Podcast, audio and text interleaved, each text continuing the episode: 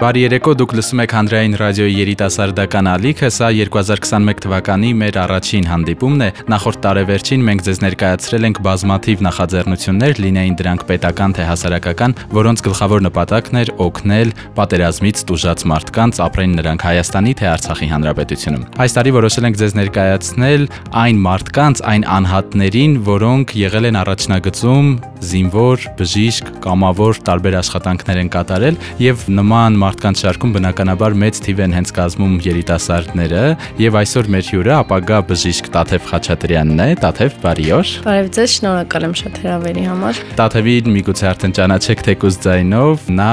առաջնագիծ էր գնացել բարի բուն իմաստով տնից փախնելով Տաթև ինչպես կայացրիք այդ որոշումը Հենց առավոտյան պատերազմի լուրը լսելուց բնականաբար երբ որ արդեն ես ներկայացնում եմ ինձանից որպես մասնագետ ինչ որ բան որ կարող է ինչ որ բժշկական միջամտություններ անել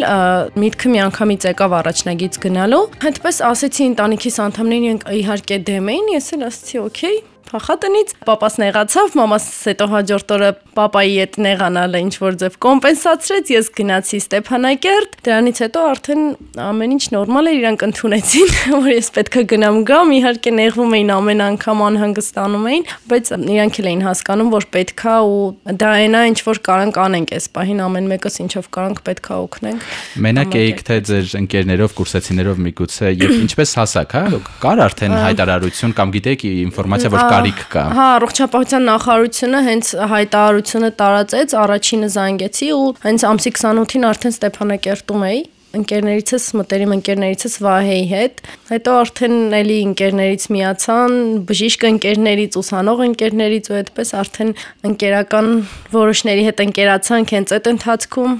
այդպես։ Հայտնից շատ արագ եք դուրս եկել, ինչ հասցրիք ձեզ հետ վերցնել։ Մեկ ռյուկզակով մի քանի տաքշոր նասկիներ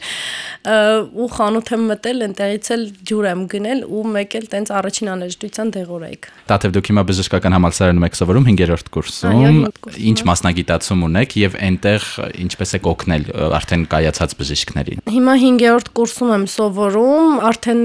ինչ որ միջամտությունների տիրապետելով հիմնական բուժքույրական գործ էի անում, բայց իհարկե հասկանալով ինչա կատարվում ու եղելա որ մենք բժիշկ չենք ունեցել մեր հետ ու ոնց որ ամբողջ պատասխանատվությունը մեր վրա եղել ու ամբողջ որոշումները մենք ենք կայացրել այդ պահին ինչ միջամտությունա պետք անել, ինչ դեղորայքա պետք անել, հիմնվելով ունեցած գիտելիքների վրա։ Այնտեղ խոսենք աշխատանքից, վստահ եմ, գիտեմ լարված էր,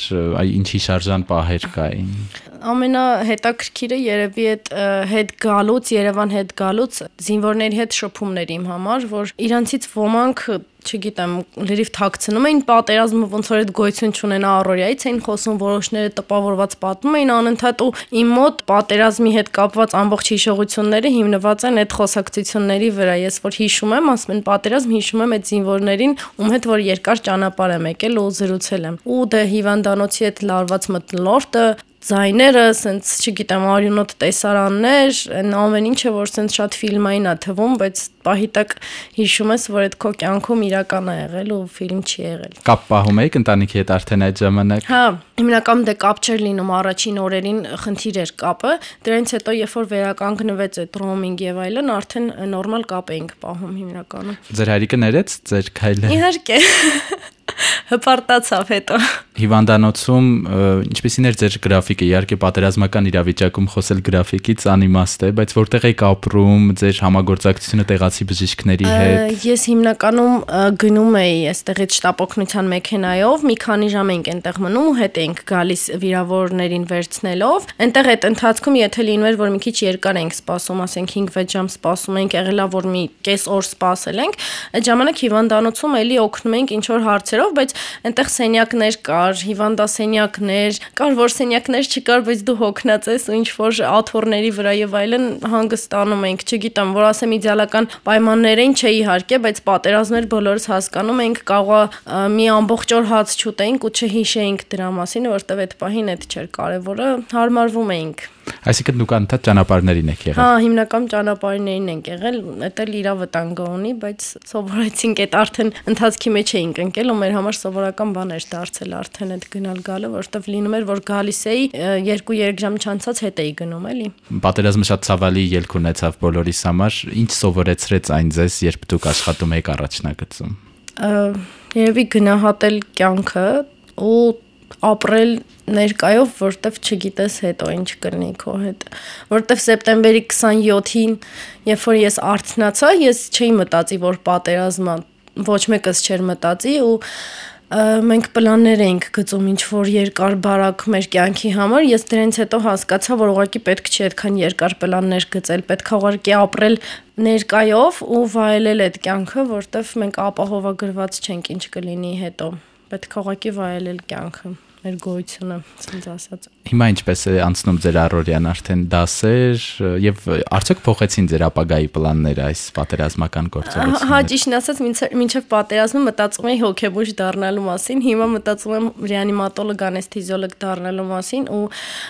ոչ թե միայն որ այդ ռիթմը ինձ գրավել է, որ այդ ամեն ինչը ինձ գրավել է, այլ որտեվ ես մտածում եմ, որ մենք դեռ բնականաբար պատերազմող երկիր ենք ու դա այն մասնագիտությունն է, որ որ ամենաշատն է պետք այդ իրավիճակում ու պատերազմի ժամանակ ամենաշատը կար հենց ռեանիմատոլոգների կարիք, ովքեր որ քիչ են մեր երկրում ու մենք ունենք դրա կարիքը։ Ձեր շրջապատում, ձեր կուրսում շատ են երիտասարդները, որոնք ձեզպես կամավոր են գնացել այդ օրերին, ունեք նման ընկերներ։ Հա, ունեմ նման ընկերներ, ունեմ որ իմ մտերիմ մարդիկ էին ու կամ կան նաև մարդիկ, ովքեր իմ կուրսից էին, իմ կուրսը դե շատ մեծ է ու ես իրենց չէի ճանաչում, բայց ծանոթացել ու ընկերացել ենք հենց պատերազմի ընթացքում, հենց այդ նույն ժամանակահատվածում նույն գործողություններն էինք անում։ Կան զինվորներ, որոնց հետ եք կապը պահպանում։ Հա, կան ընկերացել ենք զինվորներից մեկն է մեզ իր հարսանիքին հրավիրել Գնալու եք։ Իհարկե։ Շատ լավ է։ Տաթև, չգիտեմ, ասեմ դժբախտաբար թե բարեբախտաբար, ձեր այս կարիերայի փոքր ընթացքում արտակարգ իրավիճակներում աշխատելու արդեն մեծ փորձ ունեք։ Դուք առաջնագծում եք նաև համավարակի ժամանակ կորոնավիրուսի։ Այն ժամանակ որտեղ էիք աշխատում եւ ելի ինչպես որոշեցիք դա կրկին ձեր դասապրոցեսի մեջ էր այսպես ասած մտնում թե ձեր կամավոր որոշումներ։ Իմ կամավոր որոշումներ սկզբում երբ որ համաճարակը սկսվեց, ես հենց սկզբում էլի կամավոր գրանցվեցի առողջապահության նախարարություն, բայց ինձ չէին զանգում։ Ես նեղվում էի, որ ինձ չեն զանգում, չնայած այդ նույն ժամանակահատվածում ես եւ on-line դասերի էի եւ on-line աշխատում էի, այլ աշխատանք էի անում բժշկության հետ կապ չունեցող, բայց նորից զանգեցի նախարարություն, խնդրեցի, որ ինձ անպայման կանչեն, կանչեցին հյուրանոցներից մեկը, որ որում որ տեղակայված էին բուժաշխատողներ բուժանձնակազմով ու այնտեղ կ ូវ իդ դրական հիվանդներ էին։ Սկսեցի այդտեղ աշխատել որպես բժշկի օգնական, քանի որ դեռ բժիշկ չեմ։ Հետո հյուրանոցից հետո տեղափոխվեցի հիվանդանոց ու արդեն ավելի ծանր հիվանդների հետ սկզբում աշխատում էի թերապևտիկ բաժանմունքում այլ կլինիկայի, հիմա արդեն ինտենսիվ թերապիայում եմ աշխատում ավելի ծանր հիվանդների հետ։ Համավարակի առաջին ճակատում աշխատելը ինչ տվեց ձեզ, հա, որպես մասնագետ Սկզբում նախ հասկացա ինչը նշանակում աշխատել պացիենտի հետ, ինչա նշանակում լինել բժիշկ, լինել բժիշկ ոչ թե կարդալով մենակ տեսական նյութեր, այլ առնչվել հենց պացիենտի հետ, տեսնել այն ինչ որ կարդում ես, այդ այլ զգացողություններ ու գումարած դրան այն որ համաճարակ է, այդ հակուսները, որ շատ ճնշող էին, այդ հոգնածությունը, գիշեր ցերեկ լարված աշխատանքը, շատ բան փոխեց, շատ հասունացրեց։ Հետո սիրեցի մասնագիտությունս ավելի ու ավելի ուզեցի հետաքրքրվեմ այդ մասնագիտությամբ ու խորանամ դրա մեջ։ Այդ ժամանակ էլ էր ընտանիքը դեմ։ Սկզբում հա, բայց էլի տենց դժվարությամբ համաձայնվեցին, որ ես գնամ հյուրանոց որպես կամավոր ու papan իր կամքով ինձ տարավ այս անգամ, որ ես չփախնեմ։ Ես գնացի, հա, հետո տենց ասում էին շատ կհոգնես, նեղվում էին, բայց իրանք էլ մտածում են, որ եթե դա իմ որոշումն է, ես համաձայն եմ դրան, ուրեմն իրանք համաձայնվում են իմ հետ համել արդեն գիտեն, որ եթե դեմ լինեն, անպայման ելքը կգտնեք ձեր ուզածին հասնելու։ Դատև նաև գիտենք, որ ոչ միայն, այսպես ասած, ձեր մասնագիտական կարողություններով եք օգնել Արցախին, նաև ձեր ուսման վարձն եք, չէ՞, փոխանցել Հայաստան համայնքին։ Հայտնի պատմությունը ուսման վարձի։ Հիմնադրամին։ Հա, ուսման վարձի հայտնի պատմությունն է, որ մի մասը գումարի փոխանցեցի հիմնադրամին, մյուս մասով ճանապարհին ինչ որ բաներ գնեցի զինվորների համար, դե սկզբում պայմանները դե քանի որ անպատրաստ էինք, օրինակ ինչ որ տակ շորեր եւ այլն այսպիսի բաներ էինք վերցնում մեր հետ սնունդ ծխախոտ եւ այլն, հետո արդեն նախարարությունը սկսեց մեզ տրամադրել հակուստ եւ այլն, բայց այդպես Ոսմանս վարսը վարսը ծախսեցի, դարձավ հայտնի պատմություն։ Հիմա մուծել եք ձեր վարձ։ Հա, մամաս մուծեց։ Շնորհակալ ենք Մարիկին եւ Տաթև, այսքան փորձություններից հետո տեսել եք եւ համաճարակային պատերազմ եւ պատերազմ, ինչպես գիտենք, ռազմական գործողությունների տեսքով, որոնք են այսօր ձեր երազանքները։ Երևի ինչպես բոլոր հայերի մոտ այս պահին ես ամենաշատը խաղաղություն եմ ուզում։ Առաջին հերթին գերիների ու անհետ կորածների վերադարձն է, որ իմ իմ համար երազանք է։ Առաջինը ինձ դա է պետք, հետո խաղաղություն ու չգիտեմ, ի վերջո պահպանենք էլի մեր գոյությունը։ Իհարկե սա դարձել է արդեն համազգային երազանք, ցանկություն, չգիտեմ ասել նպատակ, խաղաղությունը եւ այն տղաների վերադարձը, որոնք դեռ գերեվարված են։ Տաթև շատ շնորհակալ եմ այսօրվա զրույցի համար։ Հուսամ, որ նման արտակարգ իրավիճակներում աշխատելու կարիք այլևս չեք ունենա,